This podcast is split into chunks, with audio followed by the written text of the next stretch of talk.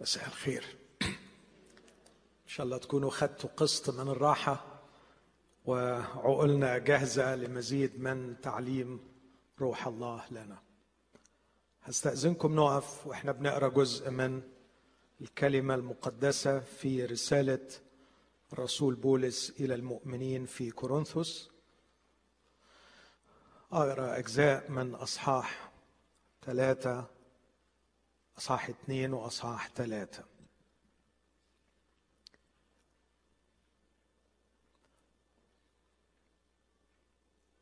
في اصحاح اثنين أبدأ القراءة من عدد تسعة.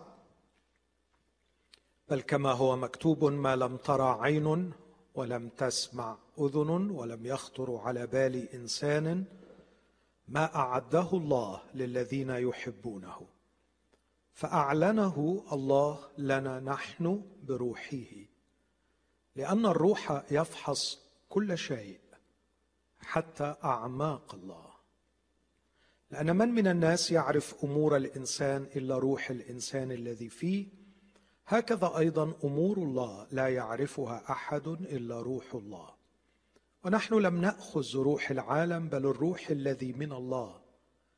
لنعرف الأشياء الموهوبة لنا من الله. التي نتكلم بها أيضا لا بأقوال تعلمها حكمة إنسانية بل بما يعلمه الروح القدس. قارنين الروحيات بالروحيات. ولكن الإنسان الطبيعي لا يقبل ما لروح الله لأنه عنده جهالة. ولا يقدر أن يعرفه لأنه إنما يحكم فيه روحيا. وأما الروحي فيحكم في كل شيء وهو لا يحكم فيه من أحد لأنه من عرف فكر الرب فيعلمه. وأما نحن فلنا فكر المسيح. صح ثلاثة. وأنا أيها الإخوة لم أستطع أن أكلمكم كروحيين بل كجسديين كأطفال في المسيح. سقيتكم لبنا لا طعاما لأنكم لم تكونوا بعد تستطيعون. بل الآن أيضا لا تستطيعون لأنكم بعد جسديون. فإنه إذ فيكم حسد وخصام وانشقاق ألستم جسديين؟ وتسلكون بحسب البشر؟ لأنه متى قال واحد أنا لبولس وآخر أنا لأبولس. أفلستم جسديين؟ آمين. هذه هي كلمة الرب. خلونا وإحنا واقفين نقدم له الشكر ونطلب منه أن يفتح المكتوب أمامنا وأيضا يفتح أذهاننا لنقبله. مرة أخرى أتينا إليك أيها الرب الحبيب يسوع مستندين على وعودك الكثيرة. أنت الذي علمتنا أنك تحب الذين يحبونك والذين يبكرون إليك يجدونك. نحن بأرواحنا في الداخل نحن إلى إعلان منك إلى حديث منك. فاعلن ذاتك اعلن من أنت يا رب لأرواحنا واجعل أرواحنا في الداخل تستوعب. هبنا الحكمة والفهم الروحي لكي نفهم. ونعرف فنتغير من مجد إلى مجد ونتجه للعيشة في القصد الذي أوجدتنا من أجله. أعني يا أبي من فضلك الانيه الضعيفه وأعطنا جميعا تعليما وتعزية في هذا المساء في اسم المسيح. آمين.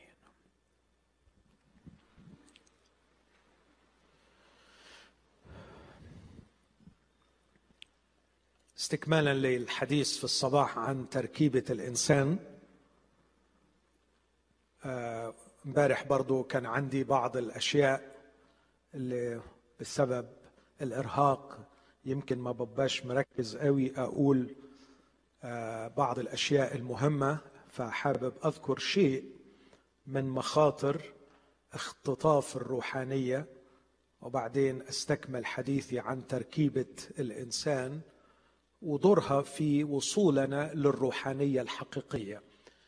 من الواضح أن الرسول لا يعرض الروحانية كأحد الاوبشنز كأحد الاختيارات للمؤمنين لكنه يستنكر أن المؤمنين في كورنثوس لا يعيشون باعتبارهم روحيين. لم أستطع أن أكلمكم كروحيين. فواضح أنه كان يفترض أنهم يعيشوا هذه الحياة إنها it's not one of many options لينا لكن سندان من الرب سنؤدب من الرب. وده أمر خطير. والإخوة في كورنثوس الرسول قال لهم من أجل ذلك فيكم كثيرون ضعفاء وكثيرون مرضى وكثيرون يرقدون لأننا لو كنا حكمنا على أنفسنا لما حكم علينا لكن إذ قد حكم علينا نؤدب من الرب لكي لا ندان مع العالم. هل يوجد عدد كبير من المؤمنين يعيشون تحت تأديبات من الرب؟ أعتقد. هذا بالإضافة إلى أن الحياة على المستوى النفساني أو المستوى الجسداني لها الكونسيكونسز الخاصة بها. اللي الشخص سيحصلها لنفسه. آه، فمن يعيش كمؤمن جسدي يلعب بالنار سيحصل نتائج. آه، فلذلك الروحانية الحياة على المستوى الروحي مرة أخرى أكرر ليست اوبشن مش معروض عليك تاخد أو ما تاخدش. لكن إذا كنت قد صرت شخص مسيحي فليس أمامك إلا أن تجتهد وتبحث وليس أمامي إلا أني أصرخ إلى الرب كل يوم لكي أعيش كشخص. روحاني.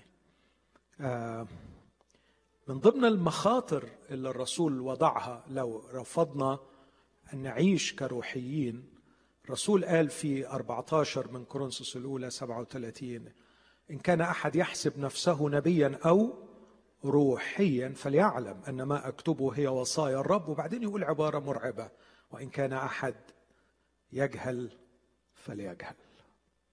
إن كان أحد يجهل فليجهل الترجمة العربية ربما يعني ما فكتش المعنى كله لكن أعتقد إنه المعنى المقصود أنه سيبقى جاهلا.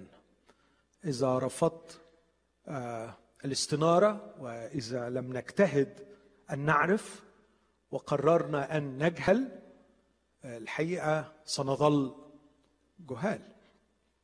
والجاهل في النهاية سيتعرض لخسارة مرعبة أن كل ما بناه سوف يسقط.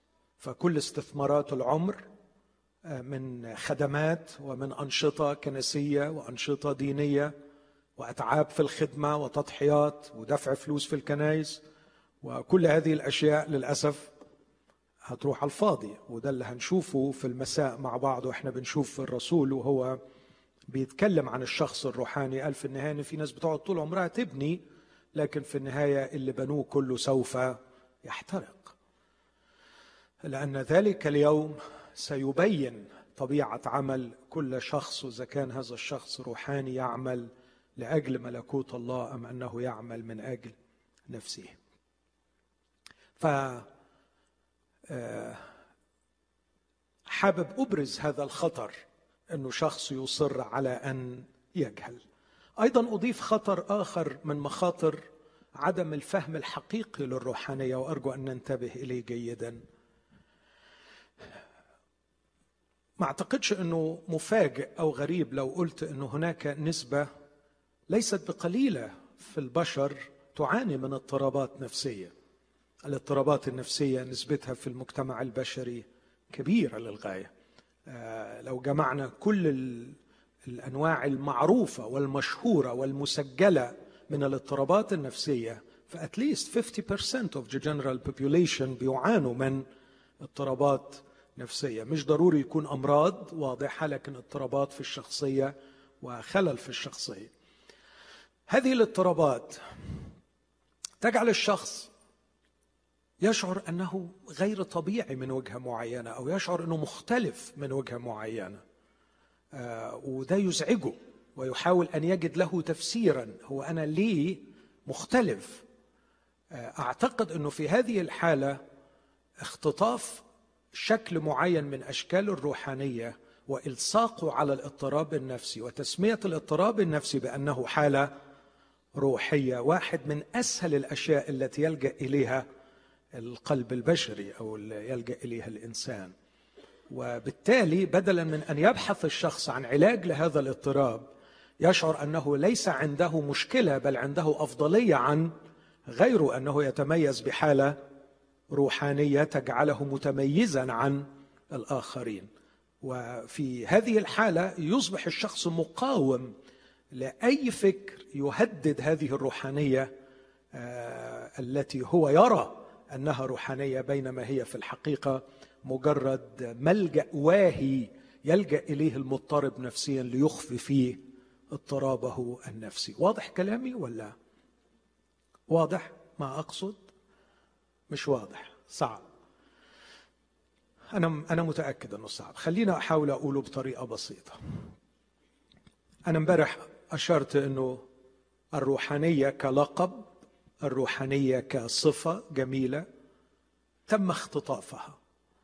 آه، كل طائفة عملت آه، منظومة من المشاعر شرحت امبارح أربع أشياء مش هعيد تاني واعتبرت إنه هذه هي الروحانية سواء كانت في اتجاه المشاعر أو العقائد أو السلوكيات أو المواهب.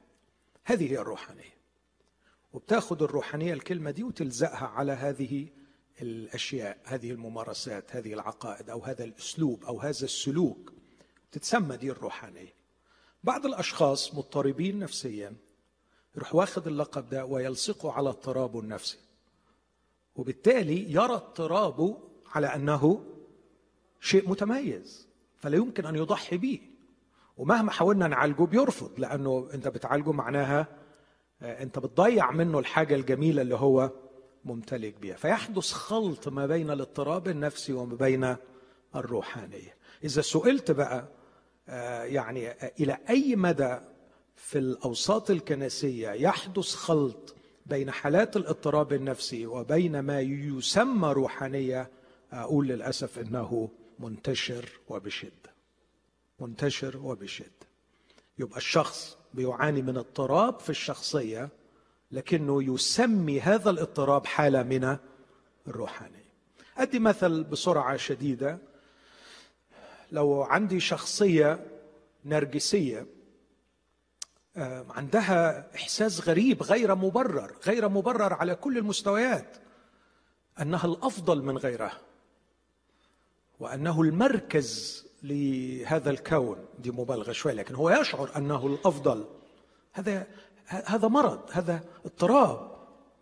لكن هناك بعض أشكال الروحانية. أشكرك حبيبي.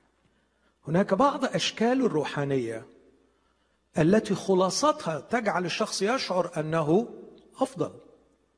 ربما لأنه ينتمي إلى طائفة أفضل ربما لأنه يمتلك مواهب أفضل. فهذا النرجسي يتمسك بشدة بهذا الشيء لأنه يبرر له شعوره بالافضليه اللي بعيدا عن هذا الوضع الروحاني هو ما كانش لاقي مبرر للي هو حسه واحد آه، يميل بشخصيته إلى التطرف ما يقدرش يعيش في في اتزان. يريد أن يسيطر يريد أن يسود كنترولينج للاذر ده اضطراب شخصي. أعتقد أن المجالات الدينية والمجالات الروحانية تفتح المجال لمثل هذه الشخصية ويتقدم في ديانته على أطرابه من جنسه. لماذا كان بولس متطرفا كفريسي لأنه كان التطرف يغذي اضطرابه الشخصي كشخص غير سوي. لكن ما يقولش أنا شخص مضطرب لكن يقول أنا متقدم في ديانتي على أطرابي من جنسي. مش عايز أدخل في تفاصيل كثير في هذا الأمر لكن أكتفي بهذا. لأجل هذا كيف نساعد هؤلاء الأشخاص؟ أعتقد أن المساعدة الحقيقية طبعا هتأتي من الرب وبالصلاة لأنه ده ما بيبقاش سهل لكن على الأقل إذا يعني خلصنا الروحانية من هذا الاغتصاب والاختطاف وعملنا تعريف صحيح للروحانية آه، على الأقل يبقى عندنا قاعدة ممكن ننطلق منها نقول له يا صاحبي مش هي دي.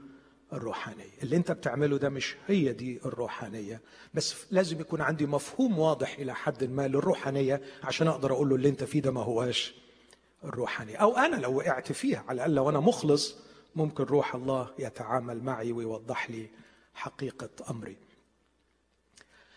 في تركيبة الإنسان اللي اتورطت فيها في هذا الصباح واللي حاولت على قد ما أقدر إني أطرح نموذج سميته الثنائية التمايزية التفاعلية وأرجو انه يكون كان واضح. آه، كنت بطرحه علشان أنطلق إلى نقطة أهم ما هي وظائف النفس وما هي وظائف الروح؟ علشان نميز بين الاثنين آه، أرجو مبدئيا إني أأكد إني مش مع إنه في جوهرين جوهر اسمه النفس وجوهر اسمه الروح. يعني ما فيش ontological entity ما فيش كينونة مستقلة اسمها الروح وكينونة مستقلة اسمها النفس. لكن ده من وجهة نظري وقد أكون مخطئ. افحص ورايا ابحث. اشتغل ادرس. لكن تصوري أنها كيان واحد غير مادي لكنه متميز في الفانكشنز متميز في الوظائف. فخلينا أقول الأول ما هي وظيفة هذا الجزء أو هذا الجوهر غير المادي اللي هو النفس والروح مع بعض؟ أقوله في ثلاث كلمات إنه يحيي الجسد فهذا الجسد بدون الروح ميت دون الروح والنفس مع بعض. وهو الذي يحوي الوعي الوعي الكونشس اللي من غيره ببقى ان كونشس فالوعي مرتبط بالروح والنفس. لكن أيضا هو الذي به أعبد الله. وهنيجي في الوظيفة دي بعد شوية لما ندخل للتمييز بين الروح والنفس. هذا الجوهر غير المادي هو الذي يحيي الجسد فبقاء الجسد معتمد عليه لكنه هو ليس معتمد على الجسد في بقائه. أقول تاني الجسد في بقائه معتمد على هذا الجوهر غير المادي لكن الجوهر غير المادي قادر على البقاء بدون الجسد.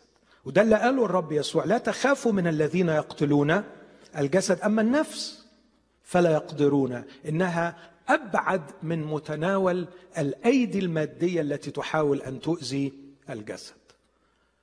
إنه جوهر عجيب قادر على البقاء بدون الجسد. كيف يفارق الجسد؟ برضو شيء ما عندناش تفصيلات كتير لكن الرب يسوع أوضح مثلا حملته الملائكة إلى حضن إبراهيم. كيف؟ هل هو ثقيل؟ أنا لا أعتقد أن له وزن. ما فائدة إدخال الملائكة في هذا المجال؟ لا أعرف لكن ربما نوع من الحماية في عالم مملوء بالأرواح الشريرة وهو أيضا روح. وبالمناسبة لم يقل قط عن الملائكة أنهم أنفس ولم يقل قط عن البشر أنهم أرواح. يقال مثلا إله أرواح جميع بني البشر أو يقول كان لنا اباء أجسادنا مؤدبين. أفلا نخضع بالأولى لأبي الأرواح؟ فالله هو أبو أرواحنا مصدر أرواحنا. لكن لا يقال عن البشر أنهم أرواح. يعني ما يقولش مثلا كان في السفينة 256 روح لكن ممكن يقال كان في السفينة 256 نفس. أو قتل من الناس عدد مثلا آه، كذا سبعين آه، روح. لا سبعين نفس. فالملائكة يشار إليها بالأرواح لكن البشر يشار إليهم بالأنفس بالنفوس. آه إذا هذا الجوهر غير المادي الذي هو من النفس والروح آه ينتقل ويفارق الجسد بسهولة شديدة ولا يعتمد في بقائه على الجسد ليذهب إلى حضرة الله أو يذهب إلى الهاوية وإلى العذاب لكن واضح إنه في حالة المؤمن يذهب في حماية أو حمل أو إكرام وتشريف الملائكة.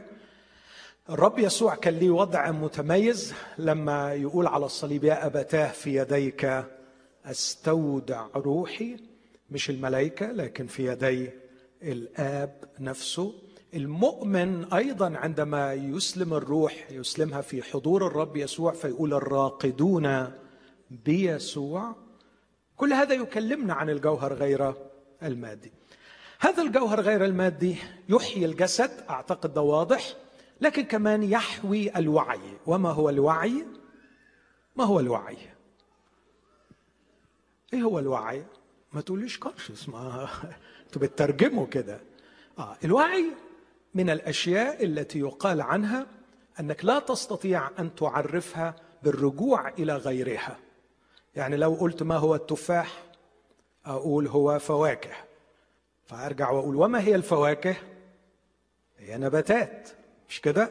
وبعدين أقول وما هي النباتات؟ كائنات حية. صح ولا مش صح؟ مظبوط؟ مظبوط. فأقدر كل شوية أعرف الشيء بإني أرجع إلى شيء أسبق لي جذر أسبق يستمد منه هذا الشيء تعريفه. لكن الوعي لو حبيت أعرفه أرجع بيه لإيه؟ ما هو الوعي؟ ما هو الوعي؟ ما تقدرش لكن كل اللي تقدر تعمله إنك توصفه. مش تعرفه. وبالتالي أنا في الدقائق اللي جاية لا أدعي إني أستطيع أن أعرف الوعي وأنا ليه محتاج أعرف الوعي؟ علشان أعرف الجوهر غير المادي أو أتعرف على الجوهر غير المادي لكن أقدر أقول أوصفه. أوصفه. خلوني أحكي لكم حاجة شخصية يمكن تساعد في تعريف ما هو الوعي وده اللي مرتبط فعلا بالجوهر الغير مادي. من من فترة عدة شهور بعمل check up عادي يعني روتين فاضطريت إن أنا أعمل آه، آخذ مخدر علشان يعملوا لي الإجراء البسيط ده.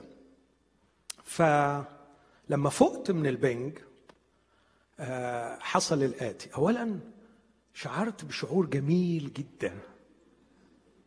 عرفت ليه الجماعة اللي حقيقي كان شعور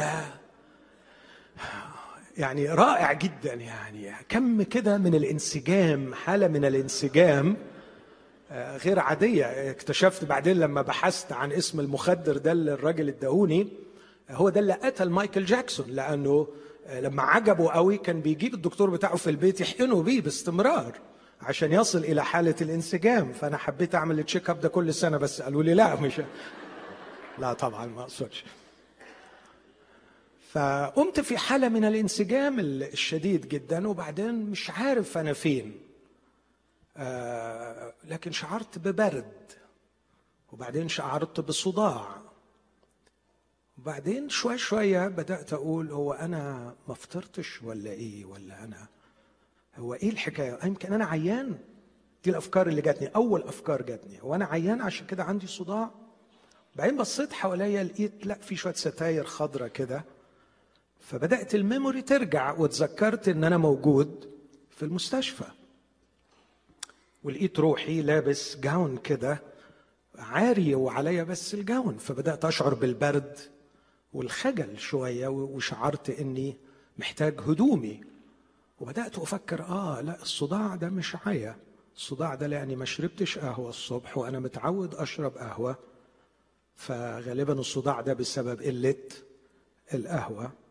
وبعدين حبيت أخرج من الموقف ده فيا إما أنادي الممرضة عشان تجيب لي هدومي يا إما تنبهت لقيت في زرار أرن الجرس وقررت في النهاية إن أنا أختار إني أرن الجرس. الكلام ده كله في دقيقة طبعا دقيقتين. الدقيقتين دول هم كانوا لحظات عودة الوعي. ولاحظوا دول فيهم خمس حاجات.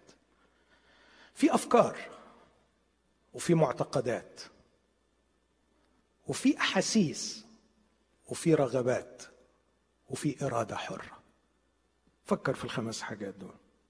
في أفكار أنا فين؟ أنا بعمل إيه؟ أنا عيان أنا محتاج قهوة. أفكار thoughts thoughts. لكن في معتقد كمان. إيه المعتقد اللي ترسخ فيا نتيجة التجربة مع السنين؟ إنه اللي ما يشربش قهوة الصبح بيجي له صداع لو كان هو متعود على شرب القهوة. فعندي معتقد وعشان كده المعتقد ده اشتغل. لكن كمان كان عندي أحاسيس برد وصداع. كان عندي مشاعر خجل. وكان عندي إرادة حرة اختارت بين إنها تنادي الممرضة أو إنها تدوس على الزرار. هل البنج جعل روحي ونفسي جعل الجوهر الغير مادي يفارق جسدي؟ لا وإلا أبقى مت. لكنه فصل بفعل كيميائي معين بين الوعي الموجود في النفس وبين المخ. فالمخ لا يحوي الوعي. مرة ثانية المخ لا يحوي الوعي. الوعي ليست حالة دماغية. ليست brain function. لكن الوعي functions through the brain. الوعي يعمل من خلال المخ. لكن الوعي ليس هو المخ. طبعا مش عايز اخذ وقت طويل في إثبات إن الوعي ليس في المخ لكن في أدلة كثير خليني أدي مثل واحد. جوهر الوعي أنه شيء غير مادي وده ذكرته الصبح لكن المخ شيء مادي. الوعي intentional قصدي عنده حتة الاباوتنس أو الأوفنس فهو يفكر فيه يرغب فيه يعتقد من جهة كذا لكن المخ مخ. المخ مخ. ما أقدرش أقول إن المخ عنده الحالة القصدية. ينوي كذا.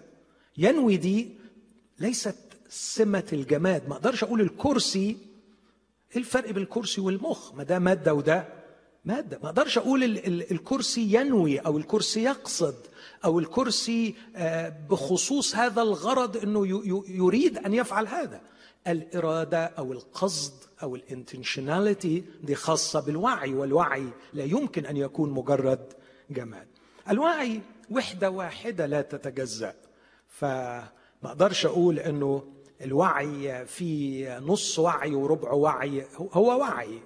ممكن يكون المخ تعبان شوية لكن الوعي لا يتجزأ. زي ما قلت الصبح إنه في داندي ووكر سيندروم 90% تقريبا من المخ بيضيع لكن يظل الإنسان هو الإنسان نفسه. لكن في شيء آخر في منتهى الخطورة لو الوعي. مجرد حالة دماغية مجرد حالة كده تطلع من ال brain. فما فيش continuity في الوعي ما فيش استمرارية لأنه كل لحظة المخ بيشع حالة كل لحظة المخ بيشع حالة كل لحظة المخ بيشع حالة. وبالتالي لا يمكن أكون أنا نفس الشخص اللي دخل الاجتماع من ساعة. وهيبقى الشخص اللي قاعد قدامي دلوقتي مستحيل يكون هو نفسه اللي كان من ساعة. لأنه من ساعة المخ كان بيطلع حالة غير اللي بيطلعها دلوقتي وغير اللي هيطلعها بعد ساعة. لكن نحن نؤمن أن الجوهر ما أنا هو أنا. آه ممكن يكون شكلي اتغير ممكن أكون عجزت ممكن يكون شعري بيض ممكن أكون شخت لكن أنا هو أنا من سنين طويلة أنا هو أنا. أنا أعمل من خلال ال brain بقول الكلام ده علشان برضو أحبائي الشباب اللي بيسمعوا أكيد أفكار كتير على إني لست إلا مجرد brain وأن الوعي هو في ال brain الوعي مش في ال brain الوعي في الجوهر غير. المادي وهو يحوي الأفكار والمعتقدات الرغبات والمشاعر والأحاسيس وأيضا الإرادة الحرة.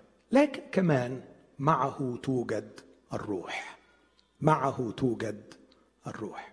إيه الفرق بين الأفكار والمعتقدات؟ إيه الفرق بين الرغبات والمشاعر والأحاسيس؟ مش عايز أدخل في هذه التفاصيل لكن الخلاصة في النهاية أن الكيان غير المادي أو الجوهر غير المادي يحيي الجسد ويحوي الوعي. وفي النهاية أهم واحدة من الثلاثة به ندخل في علاقة مع الله. جي بي جي بي مورلاند ده واحد من فلاسفة المسيحيين جاركم هنا في بايولا أنصح بالاستماع لي راجل عظيم فيلسوف مسيحي ولاهوتي متميز. آه، بيشبه الروح والنفس بالشفونيرة عارفين الشفونيرة عندنا في مصر؟ الشفونيرة وحدة أدراج جميلة آه، بيعملوها النجارين في أوضة النوم عبارة عن إنها ليها مجموعة أدراج drawers كده عدد كبير. ف جي بي مورلاند بيقول إنه في درج الجوهر غير المادي تتخيل إنه في درج في الأفكار والمعتقدات ال mind الدرج الثاني فيه المشاعر والأحاسيس والرغبات الدرج الثالث فيه الإرادة وبعدين بيقول درج رابع حاول تتخيله هو الروح. ويل طبعا ده تشبيه مادي ضعيف لكن عايز أقول انهم مع بعض شغالين لكن في تميز. بناء عليه بنقول إن في تميز. عندنا آيتين في منتهى الأهمية. في تسالونيك الأولى 5 23 ولتحفظ روحكم ونفسكم وجسدكم كاملة عند مجيء ربنا يسوع المسيح. عبرانيين 4 12 كلمة الله حية وفعالة وأمضى من كل سيف ذي حدين وخارقة إلى مفرق النفس والروح. ده مش بس بيقول إن هم متميزين لكن ده بيقول إن كلمة الله بتساعدنا كتير لأنها بتساعدنا في الفصل والتمييز بين ما هو من النفس وما هو من الروح. اذا يلزمنا أن نميز بين الروح والنفس. وظائف النفس اللي قلتهم من شوية آه، كل الأدراج آه، لو اتكلمت عن الأفكار والمعتقدات لو اتكلمت عن المشاعر والأحاسيس والرغبات لو اتكلمت عن الإرادة كل ده مرتبط بالنفس. لكن عندما نأتي إلى التواصل مع الله نحن نتكلم عن الروح. مع طبعا أعتقد إنه واضح إنه وأنا بتواصل مع الله بروحي أنا مش بجنب نفسي ولا بجنب كمان جسدي. بل العبادة الكاملة الرسول كان حريص ودقيق وجريء وهو بيقول قدموا أجسادكم. لأنه لابد أن يكون الفعل الروحي مترجم في الواقع المادي العملي بشيء محسوس وملموس فأقدم جسدي. فنفسي مندمجة بشدة في فعل العبادة وأيضا جسدي مندمج بشدة في فعل العبادة. و إزاي أفهم ده؟ أفهم ده بأنه لما نوصل لل... لل... للمعنى العظيم إنه بروحي أستقبل من الله اعلانه عن ذاته لي وانبهر بالله وأتعلم أو بلغة الرب يسوع يتحقق معي الوعد لأني أحببت وحفظت وصاياه يظهر لي ذاته. هذا الإظهار لذاته لا يتم إلا في قدس الأقداس. وقدس الأقداس يقابل الروح. فلو تاخدوا بالكم في الدار الخارجية وبعدين الدار و آه، عفوا الدار الخارجية والقدس وقدس الأقداس. فاللقاء مع الله كان لا يتم في الدار ولا في القدس لكن يتم في قدس الأقداس. وإظهار المسيح لذاته لنا يتم في قدس الأقداس يتم في الروح. فأستقبل إعلان يظهر لي ذاته فأحبه وأشتاق أن أخدمه. تتحرك المشاعر تتحرك العواطف تتحرك الرغبات لدرجة أحيانا أحس بمثلا انتعاشه في جسدي أو أحس بقشعريرة في جسدي فأشعر بمشاعر ورغبات ثم تعمل إرادتي لكي ما أعبد الرب. كيف أعبده؟ بإني أقرض الفقير. بإني أرحم المسكين. بإني أتألم مع شخص متألم. بإني أفرح مع شخص فرح. بإني أربط على كتف إنسان منحني. بإني أكون كيسوع الذي قال روح الرب علي لأنه مسحني لأشفي المنكسر القلوب لأنادي للمسبيين بالعتق وللمأسورين بالإطلاق. كان يسوع المسيح يفعل مشيئة الآب. هذه العبادة. في هذه العبادة لا يمكن أن أتممها بالانفصال عن هذا. الجسد فأنا أحتاج إلى عيني التي تدمع مع الباكي وأحتاج إلى مشاعري آه، وعواطفي التي تقودني إلى هذا المسكين لكي أتعاطف معه ولكي أساعده في مشكلته. وتحتاج إلى شغلي ومجهودي في العمل لكي يكون عندي مال أعطي من له احتياج. أحتاج إلى الجسد. ففي النهاية المنتج النهائي للعبادة ليس لقاء داخلي مع الله وليس انفعال في اجتماع لكن تنفيذ في الواقع العملي لمشيئة الله. اسمع العبارة اللي جات مرة واحدة في كل العهد الجديد في صيغة الناون كلمة عبادة. أطلب إليكم برأفة الله أن تقدموا أجسادكم ذبيحة حية مقدسة مرضية عند الله عبادتكم العقلية. عندما يسير المبشرون على أقدامهم ليكرزوا بالإنجيل عندما آه، تشتغل المرأة الفاضلة بيدين راضيتين عندما تبسط يديها للفقير عندما آه، أعطي مما عندي لشخص مجروح عندما أطيع قول الرب لما قال لفيلبس اذهب ورافق هذه المركبة كان فيلبس يعبد الرب. يعبد الرب. هذه العبادة. اخوتي الأحباء الجريمة الأكبر من اختطاف الروحانية هو السطو على العبادة وقصرها على أشكال معينة من الممارسات. وحصرها داخل جدران الكنائس. وحصرها في مجموعة من الترانيم والصلوات. دي العبادة. الله يسامحكم. العبادة هي كل الحياة. العبادة في الصباح وفي المساء. العبادة عندما أحتضن ابني كأب. العبادة عندما أكرم my client وأعامله بالأمانة. العبادة عندما أعترف بخطئي لزوجتي لكي أكون في هدوء ووقار وسلام. العبادة عندما أحفظ عيني من النظر إلى ما لا يحل لها. وأحفظ يدي من أن تأخذ ما لا يحل لها.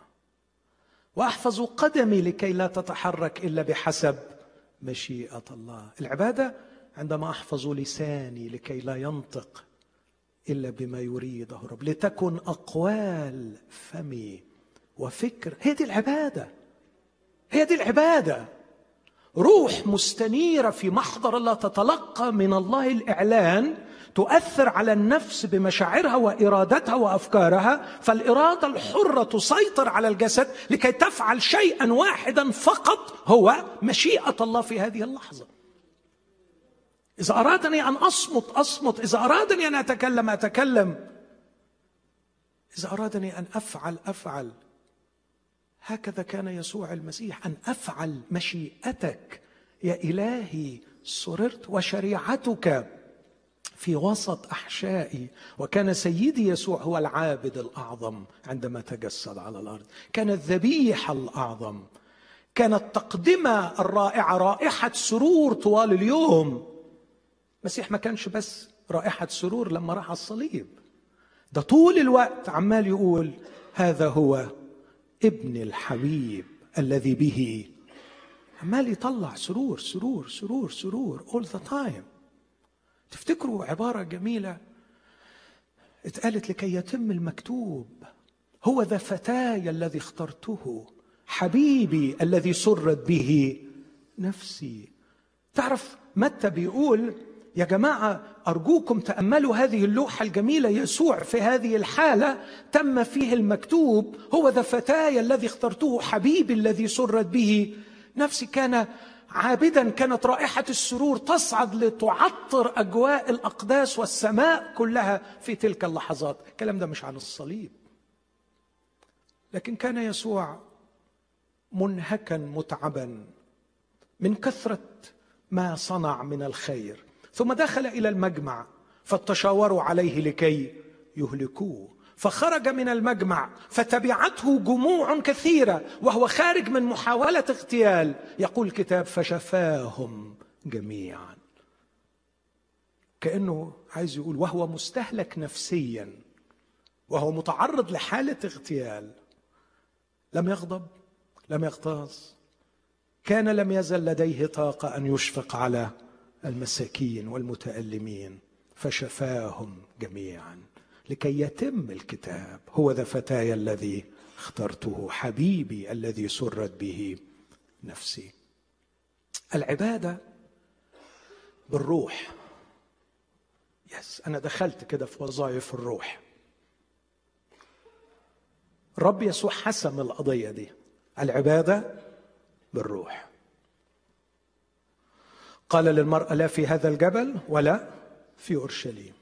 لكن الساجدون الحقيقيون للآب يسجدون بالروح والحق. والروح هنا قلنا أكثر من مرة إنها الروح الإنسانية.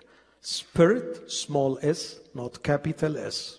It's not by the holy spirit. أكيد we need the holy spirit لكن المقصود هو by our spirit. المسيح حسم القضية. العبادة في العهد الجديد بالروح. لكن هذه العبادة اللي بالروح تستعمل النفس تأخذ معها النفس لأني أعبد الله ككل كإنسان وتترجم من خلال الجسد. الروح الإنسانية أهم وظائفها أنها تعبد الله. لكن الوظيفة الأخرى للروح الإنسانية عشان تقدر تعبد الله. الرب يسوع في نفس الحديث للمرأة السامرية قال أنتم تسجدون لما لستم تعلمون وعشان كده السجود بتاعكم غير حقيقي. وعشان كده أتكلم عن السجود الحقيقي. ألا يا ستي السجود اللي أنتم قلت له أباؤنا سجدوا في هذا الجبل وأنتم تقولون أورشليم. قال لا السجود بتاعكم مش حقيقي. ليه مش حقيقي؟ قال لهم لأنكم تسجدون لما لستم تعلمون. كيف تسجد لإله أنت لا تعلمه طب أنا أريد أن أعلم هذا الإله. كيف اعلمه لابد أن يظهر لي ذاته. اسمعوني أحبائي يسمع الله لكم. ما ينفعش تعبد ربنا second hand يعني سمعت عنه من الناس فبتروح تعبده. ما ينفعش. والعبادة دي مرفوضة. إننا نردد اقوالا له عنه سمعناها من غيرنا. هو لا يقبلها. إننا نفعل أشياء له لأننا رأينا غيرنا يفعلها. هو مش عايزها. إننا نقدم له أشياء لأنهم قالوا لنا أنه من الحسن أن نقدم له. لا يقبلها. إنه يريد أن يعلن ذاته لكل واحد فيكم في هذه الغرفة المظلمة الداخلية. يحل فيها بحضرته ويكشف ذاته ويعلن ذاته لك. وعندما تتلقى الإعلان ظهر الرب لأبرام فبنى مذبحا للرب. قبل الظهور لا يوجد مذبح. بدون أن يظهر ذاته لك شخصيا أنت تسجد لمن لا تعلم. إزاي لا أعلم؟ لقد تعلمت العقائد. السجود ليس بالعقائد. أنت تسجد لعقائد وليس لشخص. انت بتعظم عقائد عن الله. ربنا يقول لك وطي صوتك الله طول عمرك وتعالى عظمني أنا. أنا بعظمك أنت. لا حبيبي أنت شو إحنا تقابلنا؟ إحنا تقابلنا مع بعض قبل كده؟ طب فين اتقابلنا اتقابلنا فين؟ فكرني بالحتة اللي اتقابلنا فيها. لو سألت يعقوب وقلت له إحنا اتقابلنا فين هيقول لي لا عارف المكان. اتقابلنا في بيت إيل. شفتك واقف على رأس السلم. خجلتني من نفسي. وانت بتقول لي ها أنا معك وأحفظك حيثما تذهب. يعقوب لما يسجد لربنا ويقول له أنت الإله الأمين حافظ العهد والأمانة فاهم هو بيقول إيه. يعقوب ما حدش قال له يا ابني اسمع اللي هقوله لك ربنا أمين وحافظ الأمانة. فتروح تبني مذبح للرب وتقول له يا رب أنت أمين وحافظ الأمانة. كلام فارغ ربنا مش عايزه. في المسيحية اليوم السجود لما لا نعلم. بننصب نصبة وهي نصبايه فعلا. نصبة على أنفسنا. ونزعم أن ما نفعله هو عبادة. بتقول إيه؟ اولا فكرة إنك تختزلها للي بتقول ده خطأ قاتل. أنت لازم تقول وتفعل وتعيش. دي قصة. العبادة حاجة أكبر من مجرد إنك تبقى بق بيقول. والعبادة ليست طقس يمارس. الله ما ادانيش شفاه تردد أو أيدي تمارس. الله أعطاني كيان. يسجد يعبد الله. أعبده بكل ما هو أنا. أنا كلي أعبده. إن أكلنا أو شربنا افعلوا كل شيء. تصوروا؟ عندما أتناول لقمة الطعام أعبده. أعبده عندما آكل. واعبده عندما لا اكل اعبده وأنا اسمحوا لي أحبائي كررت هذا كثيرا وأريد أن أؤكد عليه لحاجة هذه الأيام إلى هذا الفكر. أقول الصدق في المسيح يسوع. وأنا داخل مكتب غرفتي في العيادة. أشعر بحضور الله أكثر مئة مرة. من صعودي على المنبر. في حضرة الله ينبغي أن يكون مكان عملي. هو مكان عبادتي. لأن في مكان عملي أقضي يوما كاملا. لكن في مكان الاجتماع بقضي ساعة. وليام تمبل واحد من أعظم رجال الله في التاريخ. ألا أعرف خطيه أكثر شرا وقبحا في عيني الله.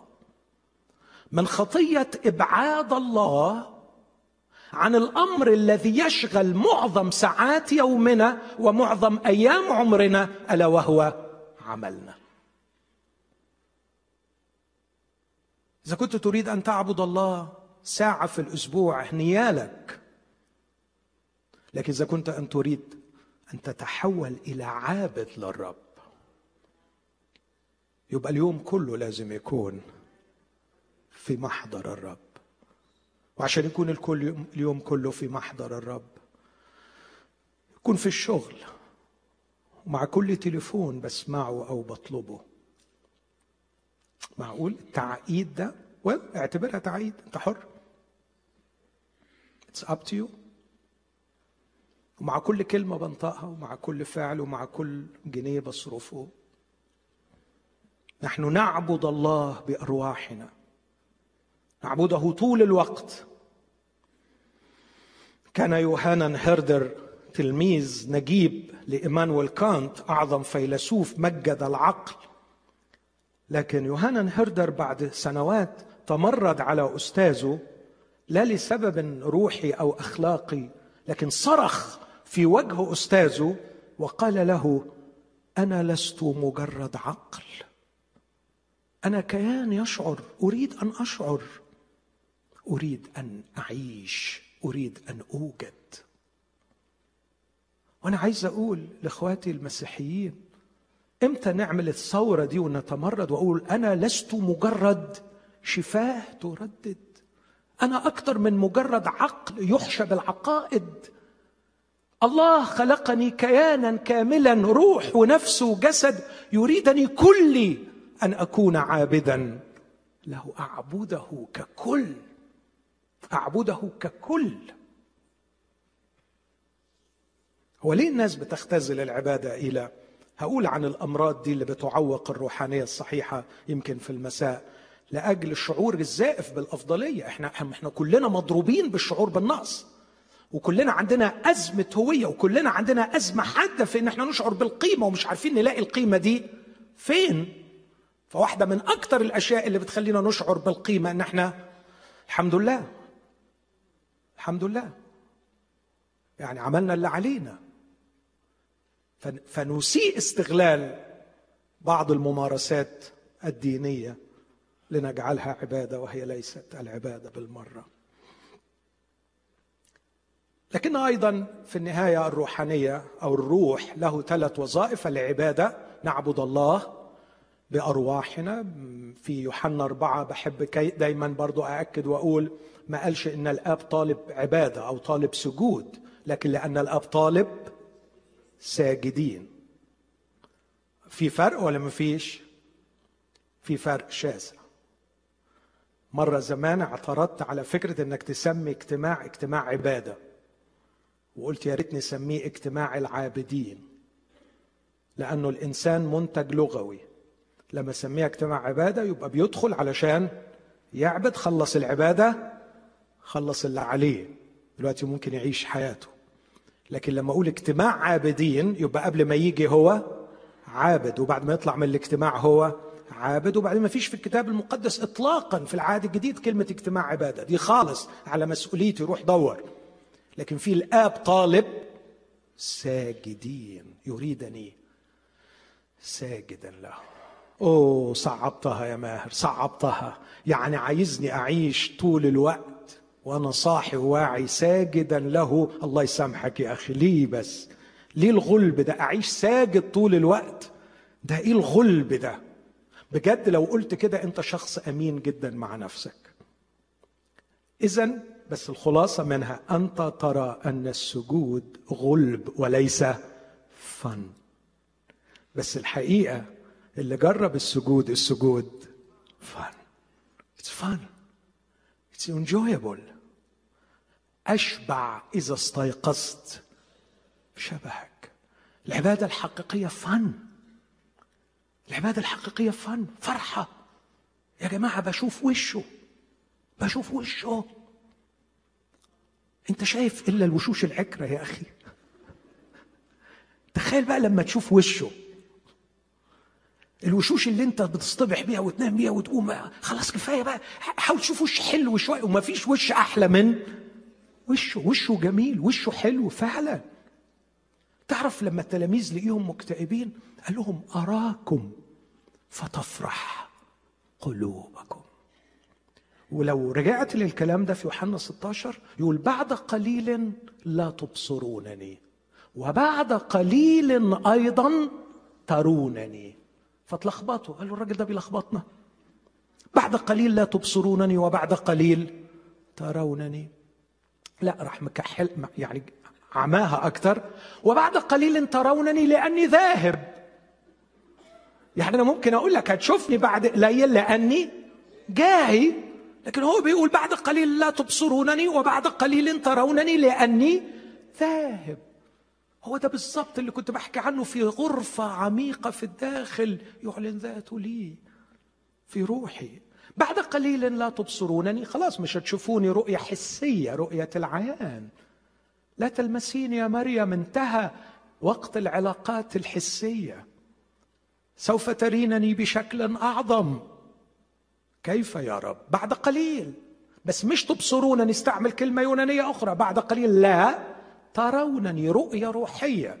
عندما أذهب إلى الآب أرسل الروح القدس يستطيع الروح القدس أن يهيئ قلوبكم لي لكي أعلن وأظهر ذاتي لكم. وفي مخادع القلب في الداخل يعلن الحبيب ذاته لنا. فلا نجد أنفسنا إلا على ركبنا في حالة الخشوع والعبادة والسجود وطول ما أنا شايفه ساجد. ظهر الرب لأبرام فبنى مذبحا. الإعلان. دالاس ويلرد فيلسوف المسيحي الجميل اللي أشجع القراءة له بكل اجتهاد وهو أيضا من هنا من كاليفورنيا وكان أستاذ الفلسفة في جامعة كاليفورنيا. لما سئل في نهاية حياته إيه أكبر خطر روحي؟ شايف إنه معطل الكنيسة اليوم.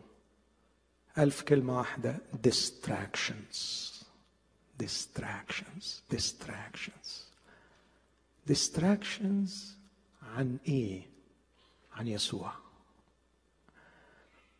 الروح القدس عايزنا all the time to focus on him.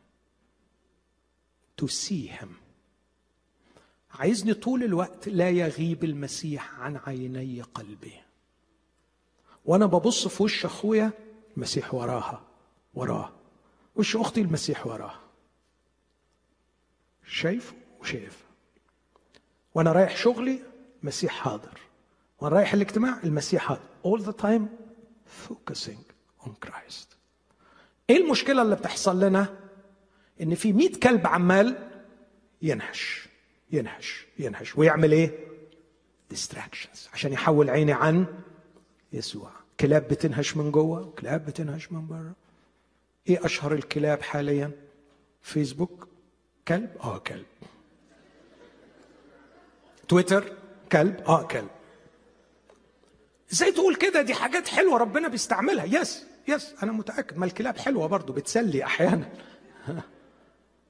أحيانا بتسلي بس أحيانا بتعض وبتعور واحيانا بتبقى رديئة وترجع إلى قيئها. Distractions distractions. تليفونات تليفونات تليفونات وكتب وإعلانات ودوشة دوشة دوشة دوشة. Distractions. الجهاد الروحي والتدريب الروحي إنك to keep your mind all the time focusing on Christ. إزاي بقى تقدر تعمل كده؟ تدريب.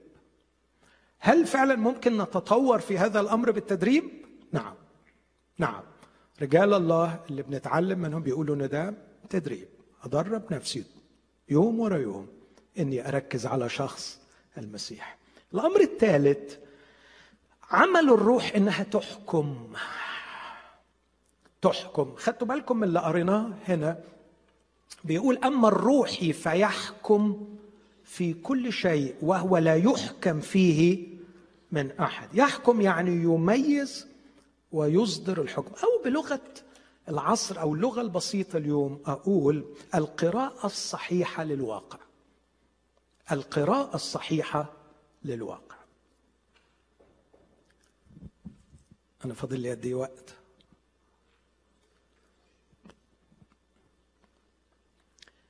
بصوا حبايب معظم نجاحاتنا ومعظم فشلنا ناتج عن قرارات أخذناها right موافقين؟ حاولوا تكونوا سرع معايا. yes yes معظم النجاح ومعظم الفشل كان بناء على قرارات اتخذناها. معظم قراراتنا إن لم يكن كل قراراتنا في الحياة أخذناها بناء على حسابات عملناها. رايت كل حساباتنا عملناها بناء على قراءة للواقع الذي نعيش فيه. إذا كانت قراءتي للواقع خاطئة حساباتي خاطئة قراراتي خاطئة. عشان كده من المهم جدا في النهاية إني أقول كيف أقرأ الواقع. reality كيف أقرأ ال reality؟ وأنت على فكرة بتقرأ ال reality. اوعى تفكر انك مش قاريها انت قاري كل بني آدم. كل بني آدم حواليك انت قاريه انت قاريني دلوقتي وأنا واقف. وقاري اللي جنبك. وقاري الناس اللي تعرفهم. وقاري اللي ما تعرفهمش. السؤال مش بتقرأ ولا ما بتقراش لكن السؤال زي ما قال المسيح كيف تقرأ؟ انت قاري إزاي؟ هو أنا قاري الشيخ فوزي ولا قاري سامح روبيل إزاي؟ قاري إزاي؟ كل معاملاتي مع سامح في كل السنين الماضية أكيد مبنية على قراءة لسامح. وممكن أقرأ قرايه غلط وطبعا معظمنا بيقع في الوقعه اللي أقول إيه بس الوقعه السواد دي إن أقرأ وأروح مقطر الشخص في إطار وأفضل أقرأه في هذا الوضع. قراءات خاطئة للواقع. لماذا نقرأ قراءات خاطئة؟ لأننا نعتمد على النفس في القراءة. بينما القراءة ينبغي أن تكون عمل الروح. نفس هي بتاعت الأفكار والمعتقدات. يبقى هي اللي تعرف تقرأ. لا الكتاب بيقول إن القراءة المفروض تكون عمل الروح. وإذا اتفقنا إن القراءة هي عمل الروح يعني روحي هي التي تحكم في الأشياء. هنا في أبعاد جميلة جدا. روحي أقوى من مجرد أفكاري ومعتقداتي. وعشان كده أحيانا بتديني data مش عارف أجيبها بس ما تاخدوش الحتة دي وتتدروشوا بيها. لكن تديني data مش عارف أجيبها بالنظرة طبيعية. ده اللي أحيانا يتسمى الإنتويشن أو الحدس أو الحدس. الحدس في الروح لأنه قدرة قدرة على استقبال فكر الله. عشان كده في النهاية لما أجي أحكم بما إنه الحكم هو وظيفة الروح ينبغي إن أحط الفيشه عشان الجهاز يشتغل. أحط الفيشه عشان الجهاز يشتغل. عندي مكوى في البيت. قلت إنها باظت. ورحت أشتري واحدة غيرها. وبعدين اكتشفت إني ما كنتش حاطط الفيشة الفيشة مستخبية ورا السرير واتخلعت وأنا مش عارف وأنا مطمن إنها جوه. حط الفيشة. الروح مش هتصدر أفعالها بطريقة صحيحة وتمارس وظيفتها إلا وهي متوصلة. فعندما أتواصل مع الله أستطيع أن أقرأ الواقع قراءة صحيحة وأصدر أحكاما صحيحة على الأشياء وبالتالي تكون حياتي حياة صحيحة. المثل اللي دايما بحب أقوله في القراءة الخاطئة للواقع التي تؤدي إلى حسابات خاطئة والتي تؤدي إلى قرارات خاطئة هو مثل إيليا رجل الله. إيليا لا ينكر أحد أنه رجل له شركة عميقة جدا مع الله. هو واحد من قلائل أصحاب هذا التعبير الرائع. حي هو الرب الذي أنا واقف أمامه وهو شخص روحي. لكن في يوم من الأيام جري مسافة طويلة وتعب وأعيا جسديا. واجتماع الصباح قلت آخر تعريف في الطرح اللي بطرحه انتر اكشنزم إنه في تفاعل ما بين الجسد والنفس والروح فبسبب اعيائه الجسدي وبسبب ارهاقه النفسي كان لسه داخل معركة قاتل 850 نبي من أنبياء. البعل واكيد ده أثر على نفسيته جدا لأنه شيء يعني ليس سهلا أنه يجتاز في مأساة مسبحة زي كده. فنفسيته انهارت وجسده أنهك فراح ودخل المغارة. وبعدين جات له حتة ورقة صغيرة. بتقول له يعني آه آه هكذا تفعل بي الالهه وهكذا تزيد. إن كنت لا أجعل نفسك كنفس واحد منهم. فأول ما سمع الكلام ده اكتئب بشدة وانهار وقال لربنا خد نفسي. هذا القرار الخاطئ. كان بناء على حسابات خاطئة. والحسابات الخاطئة كانت نتيجة قراءة خاطئة. الرب في محبته حب يعالج الوضع ده. فحب يعالج الجسد ويعالج النفس لكي يوفر للروح الجو للقراءة الصحيحة للواقع. فبعت له ملاك ومعاه أكل ولمسه وطيب قلبه وقال له قم وكل. وتفتكروا الملاك لمسه مش ضربه لأنه كان رقيقا به. وبعدما أطعمه جاء الرب نفسه إليه. ولما الرب جاله شعر إيليا أن الرب جه. فخرج لكي يرى الرب. لف وشه بالرداء وطلع. فشاف عاصفة رهيبة هوجاء كسرت الصخور. وأنا أعتقد أن المنظر ده كان كافي جدا أن يرفع نفسه. وكأنه بيقول له خايف من مين يا حبيبي؟ أنا الرب. أنا الرب الذي إذا مررت فكأني كالعاصفة التي تحطم الصخور. هل رأس إيزابل كإحدى هذه الصخور يا إيليا؟ هل كل الذين تخاف منهم كهذه الجبال كهذه الصخور؟ إن حضور الرب يا حبيبي ممكن يكسرهم. لا تخف لا تخف. لكن ما تكلمش الرب بعديها. بعديها بعد العاصفة جاءت زلزلة ولم يكن الرب في الزلزلة. ثم جاءت النار ولم يكن الرب في النار. وكانت كل هذه المظاهر الطبيعية المظاهر الطبيعية مش بتتكلم للروح لكن بتتكلم للحواس وللنفس علشان النفس تستريح النفس تطمن إن إلهي عظيم وإلهي قدير. حاول تتخيل كده إنك أنت يعني في مشكلة عويصة وفي أعداء أيمين عليك وبعدين الرب أظهر لك ذاته بطريقة نفسية أنه عمل لك حريقة وطفاها مثلا عجوبة كده أو هدل لك جبل وقومه أكيد هتعمل إيه؟ ها؟ هتتشجع مش كده؟ ولا ما تتشجعش؟ إيه رأيك يا جولي؟ طب أديك مثل من الكتاب شعب إسرائيل خايف وعمال يصرخ ربنا شق البحر وعداه بسطوا ولا ما تبسطوش بسطوا ورنموا وبعد ثلاثة أيام زمروا إعلانات الله للنفس قصيرة المفعول. ما يتمش ما, ما تضاينش. تخلص الموقف ساعتها. ما فرقتش مع إيليا. فجاء الرب وأظهر ذاته له. قال له يا إيليا ما لك ها هنا؟ اسمع الرد. ما لي ها هنا؟ لأن بني إسرائيل هدموا مذابحك وقتلوا أنبياءك ونقضوا عهدك وبقيت أنا وحدي وها هم يطلبون نفسي. هي القراءة دي قراءة خاطئة ولازم تصحح. بس هو خلاص كان قفل وكان مصر. قراءة خاطئة للواقع. لا إلي الوضع مش كده خالص. أولا الحقيقة حكاية قتلوا أنبيائك ده أنت لسه قتل 850 منهم. يعني هم اللي المفروض يشتكوا منك ويقولوا ده قتل أنبيائنا وبعدين حكاية هدموا مذابحك ده أنت اللي جبت يعني يعني عليها وطيها على جبل الكرمل وأنت اللي وبعدين نقضوا عهدك ما أنت لسه مرجع الشعب كله للعهد وهدفوا وقالوا الرب هو الله. ففي عهد اتبنى دلوقتي وراجعين إن كان الرب هو الله فاتبعوه. فالوضع مش بالسوء ده إليه. الوضع إن في شيء عظيم بس هو مصر قراءة خاطئة للواقع. سألوا السؤال تاني أصر على نفس الإجابة. كتير بشوف أحباء ليا يقرؤون الواقع قراءة خاطئة فينفقون العمر وراء قرارات خاطئة بناء على القراءة الخاطئة.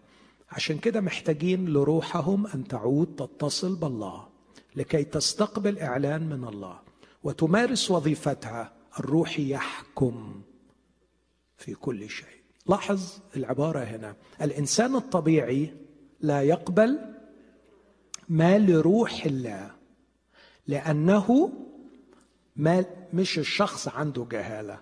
ما لروح الله. What is belonging to God is just ignorance for this person. يعني الحاجات اللي روح الله بيعلنها لما نقولها للشخص الطبيعي يقول دي إيه دي؟ دي جهالة دي, ده كلام يحكم في الأمور بتاعت ربنا إن دي جهالة. الروح بقى يحكم في الأمور بتاعت ربنا وفي الأمور اللي مش بتاعت ربنا. يعني الشخص الطبيعي يقدر يحكم في الأمور اللي مش بتاعت ربنا ويحكم حكم صحيح. يعني يقول الشغلانة دي كويسة الشغلانة دي مش كويس لكن يجي عنده أمور ربنا يحكم فيها غلط لأنه بيشوفها جهل. لكن الروح بقى لا. الروح يحكم في أمور الله وفي غير أمور الله يحكم في كل شيء. هذا عمل الروح. هذه وظائف الروح. نعبد الله بالروح. ثم نستقبل الإعلانات الإلهية. أعلنه الله لنا بروحه يعلنه لأرواحنا. الروح يشهد لأرواحنا أننا أولاد الله.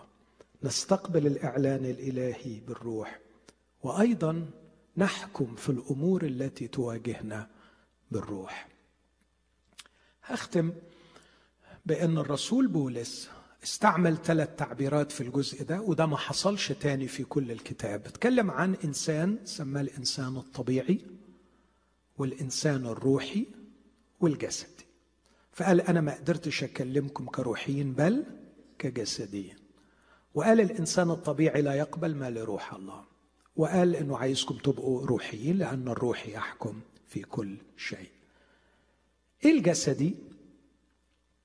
الكلمة هنا متفق عليها لما تقرأ كتير في رسالة روميا إن بولس قرر إنه يستعمل كلمة ساركس وهي إحدى الكلمات اليونانية التي يشار بها إلى الفلش إلى إلى التكوين إلى مادة تكوين الجسد. في كلمة تانية اسمها سوما تتكلم عن البادي. البادي كإناء يحتوي هذا الجوهر الغير مادي اللي هو النفس والروح. فلما يتكلم عن الجسد كإناء يسميه سوما. لكن لما يتكلم عن الجسد in its constitution في تكوينه بيسميه sarx. بولس قرر أن أكيد مسوق من الروح القدس.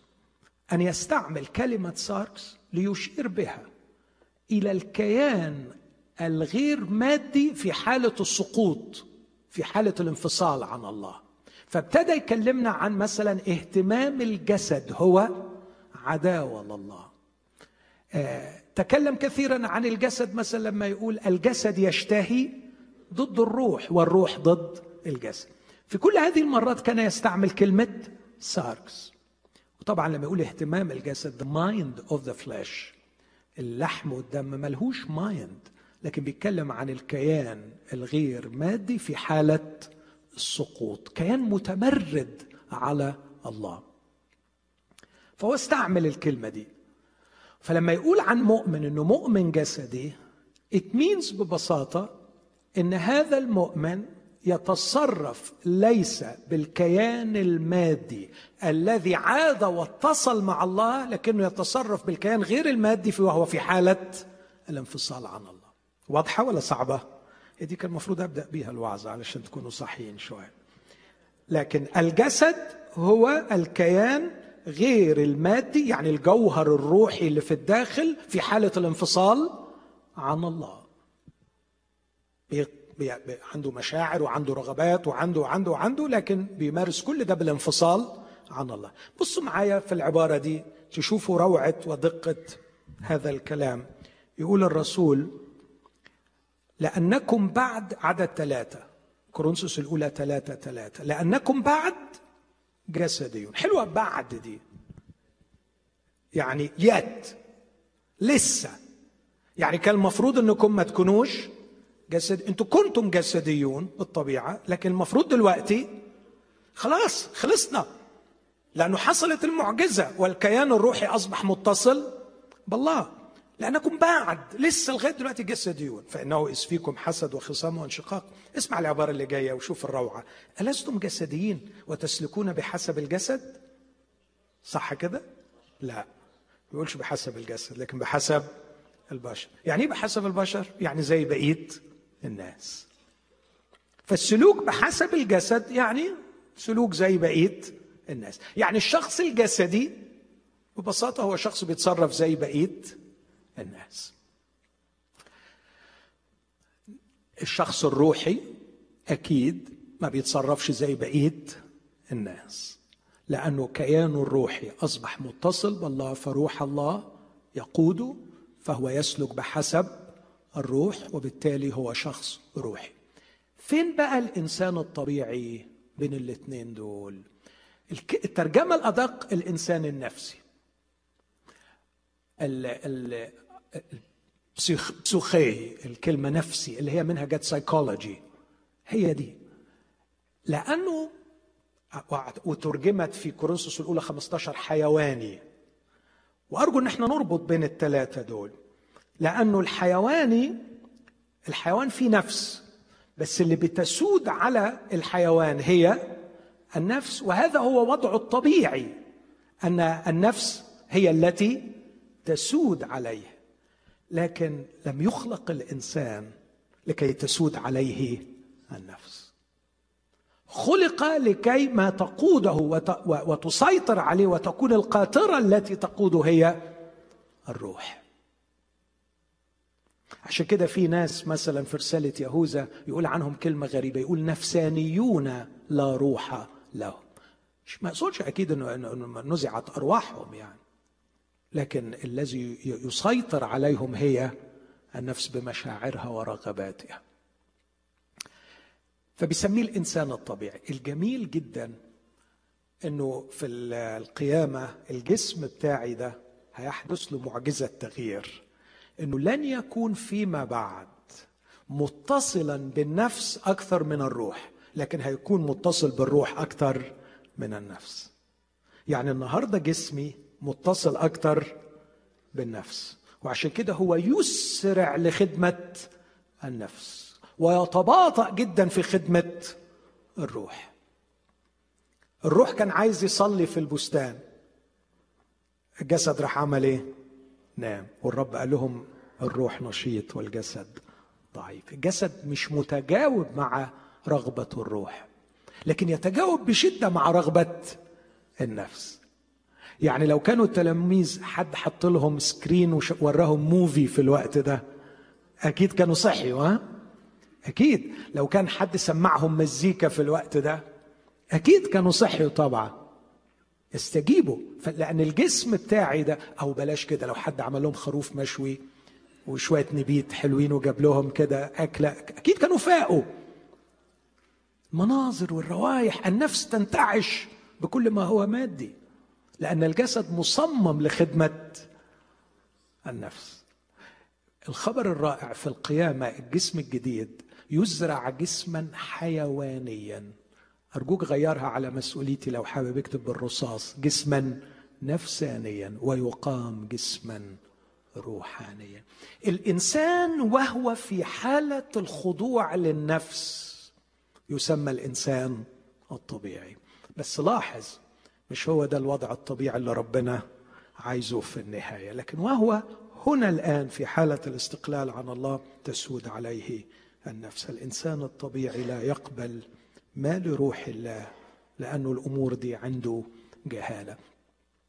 فاكرين لما قلت الأدراج اللي قالها J.P. Moreland فعنده درج المعتقدات والأفكار. يجيب الأفكار بتاعتك الروحية ويحطها مع الدرج ده يلاقيها مش راكبة خالص ومش ماشية. فيقول الكلام ده عبارة عن جهالة فيرفضها. فالإنسان الطبيعي لا يقبل ما لروح الله لأنه يعتبر هذه الأشياء جهالة. إخوتي الأحباء في النهاية عايز أقول لنفسي آه، احذر يا ماهر من إنك تكون جسدي وإحذر من إنك تكون مؤمن مجرد واحد كده بيسلك كإنسان طبيعي. جسدي يعني طبيعة الخاطئة الساقطة هي اللي شغالة وده وضع سيء جدا. وضع رديء. ويمكن مش كل المؤمنين بيقعوا فيه لأنه بقوا بيعرفوا إنه دي خطية والضمير بيحكم الضمير في الروح بيحكم بيقول له ده غلط. ما يصحش. حسد وخصام وانشقاق ما يصحش مع إن في مؤمنين كتير عايشين في حالة جسديين للأسف. طبعا إذا استمر الوضع على طول جسدي هناك علامة استفهام كبيرة توضع على صحة إيمان هذا الشخص. لكن المشكلة الأخطر أن يعيش الشخص المؤمن كإنسان طبيعي تحركه النفس في كل شيء برغباتها ومشاعرها وأفكارها ومعتقداتها. والمشكلة هنا أن هذه النفس قد تكون راقية تحكمها معتقدات راقية. والمشكلة الأكبر عندما تستعمل النفس المعتقدات الكتابية فيبقى النفس هي اللي شغالة بس بتدافع عن الحق الكتابي مثلا أو بتخدم في خطر في الحالة دي. فأنا أحب ان أحذر نفسي وأنت لو حابب تحذر نفسك معايا من نفسك اعمل معايا كده. إنه يا رب ما تسمحش ما تسمحش ان أعيش في الخطية وأكون شخص جسدي وأسلك بحسب البشر. لكن ما تسمحش كمان يا رب إني أكون مجرد إنسان طبيعي تحركني نوازع النفس رغبات النفس. النفس هي التي تحرك. ما فيش شر هنا خد بالك خد بالك ما فيش شر واضح. لكن مثلا لما يقولوا الرجل الدب مطرح ما تحب مثلا يعني الرجل الدب مطرح ما تحب يعني إيه؟ يعني رجلك هتروح مكان ما ترغب. طب يا أخي أنا بحب أروح. فرحت ده إيه إيه الغلط اللي في كده؟ الغلط إن هنا بتتصرف كإنسان طبيعي. لأن جسدك لم يعد ملكك وما عادش ينبغي إنك تدب مطرح ما أنت تحب مطرح ما هو يحب. وعشان تعرف هو بيحب إيه لازم روحك تدخل في القصة وتستقبل إعلان منه. أنت عايز نروح ولا ما أروحش؟ أنت عايز نعمل ولا ما أعملش؟ يا دي الغلب.